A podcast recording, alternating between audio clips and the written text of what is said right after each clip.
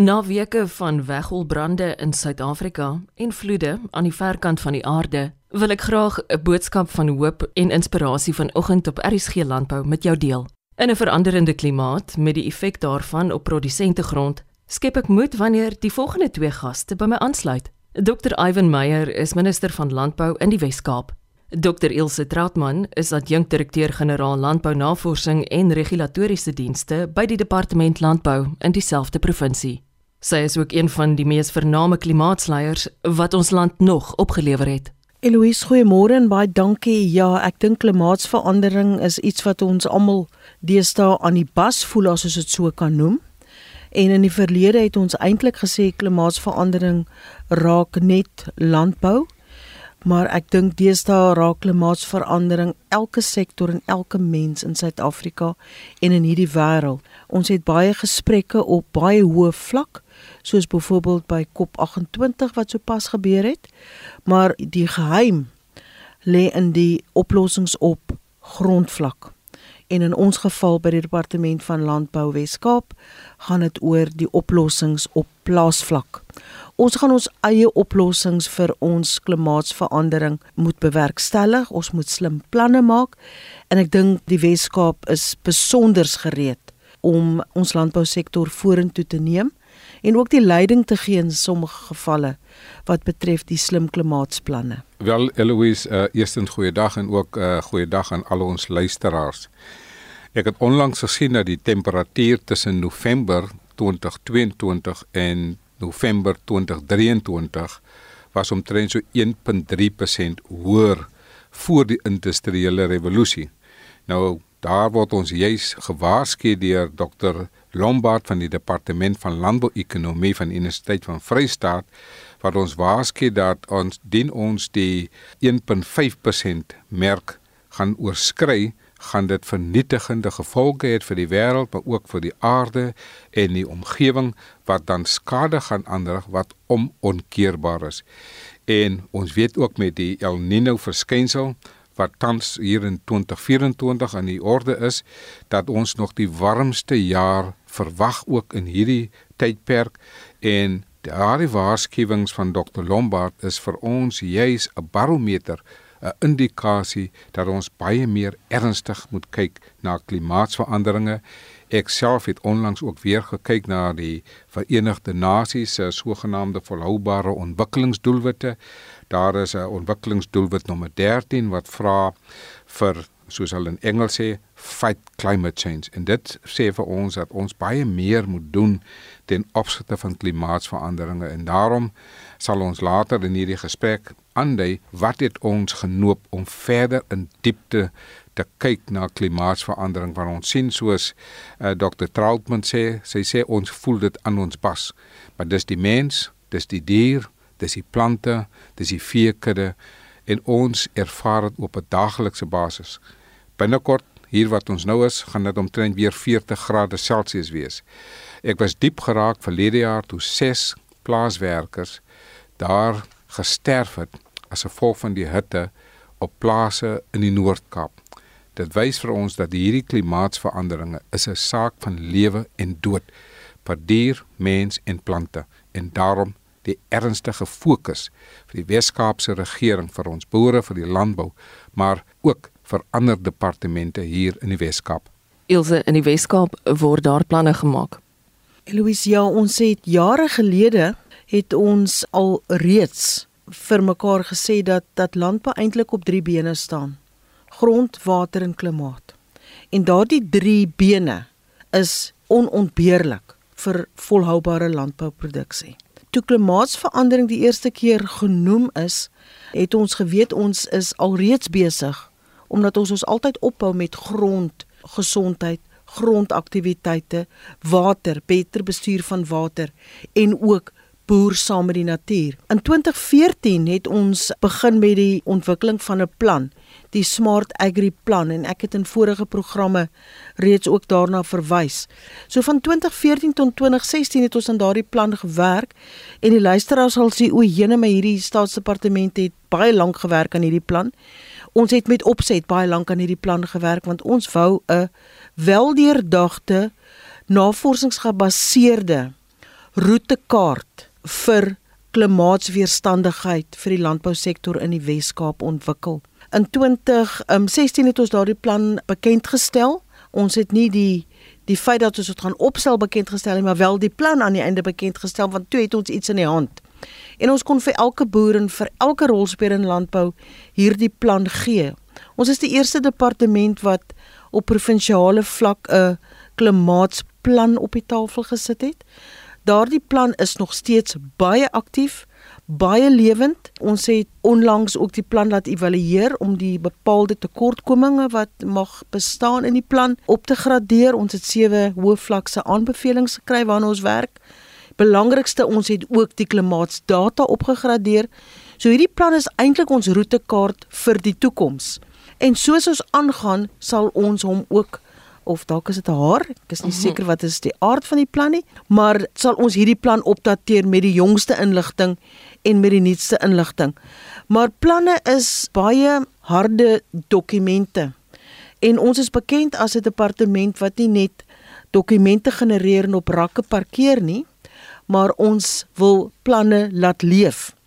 En daarom is dit ongelooflik om saam met minister Meyer klimaatsverandering te bekamp en vir ons leefbaar te maak in die Wes-Kaap met aksies wat saam met hierdie plan gepaard gaan. En ons is werklik vir elke landbouer wat ver oggend luister wil ons vir ons boere ook baie dankie sê. Ons boere doen fenominale werk in hierdie omgewing. Hulle werk saam met ons departement as ek maar kan verwys na na ons werk in bewaringsboerdery, bewaringslandbou en werklik dis 'n vennootskap op plaasvlak, op grondvlak om ook saam te werk ten opsigte van klimaatsverandering en ook die impak wat dit op landbou kan hê. Maar saam met die negatiewe effekte van klimaatsverandering, dink ek is daar ook baie positiewe effekte en ook baie baie geleenthede. Soos nuwe besproeiingstoerusting, die geweldige ontwikkeling van die netbeskerming nette in ons landbou. So saam met die negatiefes kom ook geweldig baie positiefes wat natuurlik ook ekonomiese ontwikkeling en werkskepping tot gevolg het. Vertel my van jou ervaring by COP28. Eloise, ja, dit is 'n dit was 'n grootse ervaring gewees. Daar was ongeveer 100 000 mense. En toe ek in die ry staan om registrasie te kry, te wonder ek by myself, hoeveel van hierdie mense in hierdie ry doen werklik iets prakties vir klimaatsverandering? Want daar is 'n groot verskil tussen praat en prakties. En ons het COP28 toe gegaan nie om te praat nie, maar om te prakties. En uh, twee baie belangrike dinge het by COP 28 vir ons departement en ook vir die Wes-Kaapse regering gebeur. Ons het eerstens 'n uh, onderneming daar gegee by 'n nuwe regeringsorganisasie met die naam van iPolitical wat wêreldwyd werk met regeringsbeampte staatsamptenare om hulle ook klimaatslim te maak. Hulle het ook 'n climate change campus en ons het daar ons onderneming gegee om elke werknemer, elke werker in die Wes-Kaapse regering ook van klimaatsverandering in te lig, die impak daarvan in hy of sy haar haar omgewing, hulle omgewing, maar ook hoe kan hulle ook hulle kliënte klimaatslim maak? Die mees belangrike praktiese ding wat ons by COP28 gedoen het was om die Mediterranean Climate Action Partnership te onderteken. En hierdie vennootskap tussen 14 Mediterrane lande is vir ons 'n geweldige veertjie in ons hoed aan die een kant. Die Weskaap is geïdentifiseer as een van die stigterslede van hierdie vennootskap, uh saam met 'n 'n klompie ander lande, onder andere Mexiko en Spanje, Italië, Marokko, ons twee dele in Australië, Frankryk en hierdie 14 vennoot het om 'n tafel kom sit en sê maar ons het dieselfde ervarings met ekstreme geleenthede, extreme events, dieselfde met vuur. En ons is nou gaan ons gebuk onder erge vuur en brande in die Wes-Kaap en ook met oorstromings en dis meer. En hierdie 14 vennotig het om 'n tafel gaan sit by COP28 'n raamwerk ontwikkel van samewerking in die toekoms en daar was reeds al toe ons by die geleentheid opdaag 'n 3 jaar aksieplan.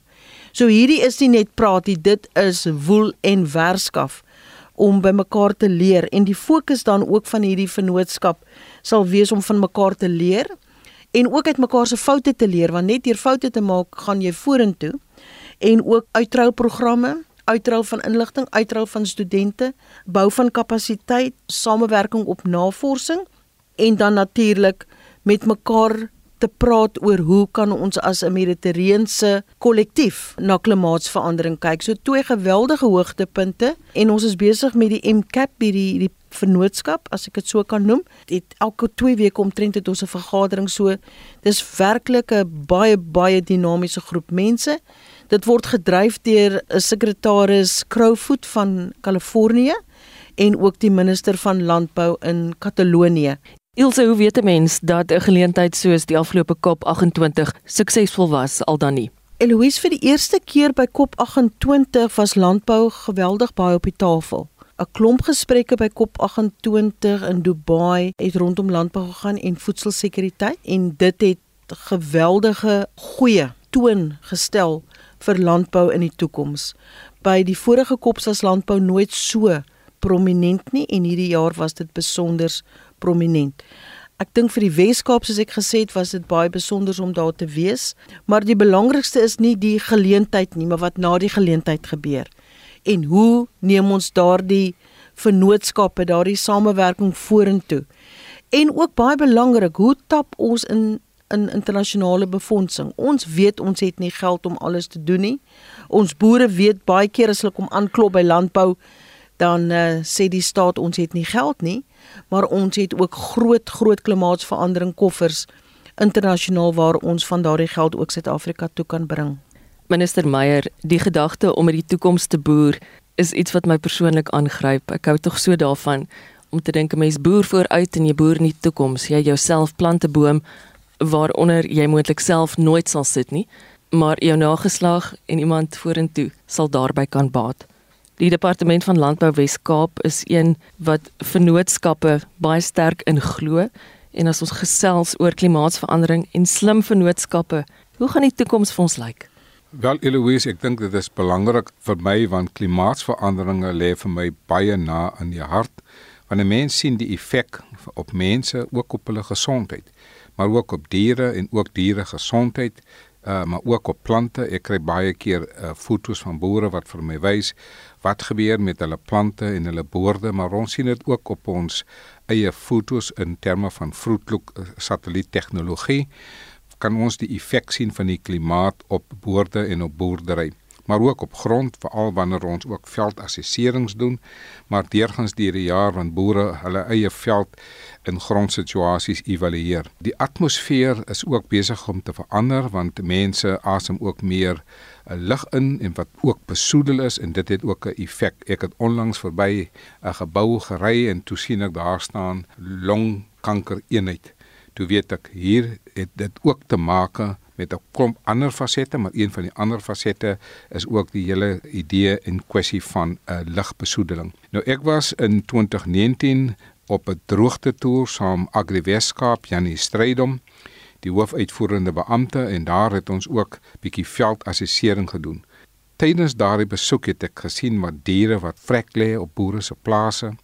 Ek het gesien op damme wat absoluut leeg is wat 7 jaar laas reën gehad het. Ook verskillende ander plekke in die Weskaap, maar ook hoofsaaklik ook in die Karoo. En dis nie lekker om boorde dan te sien wat ook gedood het nie. Maar ons het gesien dat COVID-19 was 'n pandemie. Klimaatsveranderinge, indien ons nou niks daaraan doen nie, gaan die volgende pandemie wees in die wêreld. Ons het ook onlangs gekyk na die Wêreldekonomiese Forum en ons sien dat 7 uit die 10 globale risiko's van die Wêreldekonomiese Forum het direk en indirek te doen met klimaatsveranderinge. Daarom het ek ook 'n uh, hier in 2020 'n ooreenkoms onderteken met Kalifornië wat 'n mediterrane streek is. Ons het 'n virtuele kontrak geteken. Die minister van landbou van Kalifornië was hier. Daar is 5 mediterrane streke en ons het ooreengekom om ook 'n bietjie meer in diepte te fokus op klimaatsveranderinge vir landbou binne mediterrane streke. En sy en haar kollega die minister van omgewingsake het daartoe besluit dat hulle dit moet weier uitbrei en daarom het ons vandag hierdie Mediterrane klimaataksieprogram wat voorspruitend uit is daardie gesprekke. Ek is altyd opgewonde om te sien dat dinge nou aan die gebeur is. Ek het gister saam met my kollega die minister Bredel het ons 'n interministeriële komitee oor klimaatsverandering sy eerste vergadering gehad en daar is baie goeie gedagtes uitgereik. Dr Ivan Meyer is minister van landbou in die Wes-Kaap. Dr Ilse Troutman is adjunkdirekteur-generaal landbounavorsing en regulatoriese dienste by die departement landbou in dieselfde provinsie. Volgende Saterdag sit ons die gesprek voort met die twee bekwame ambassadeurs van hoop. Dankie dat jy saamgekuier het vanoggend. Ek is Eloise Pretorius en ek wens jou alle sukses vir die nuwe week wat voorlê. Totsiens.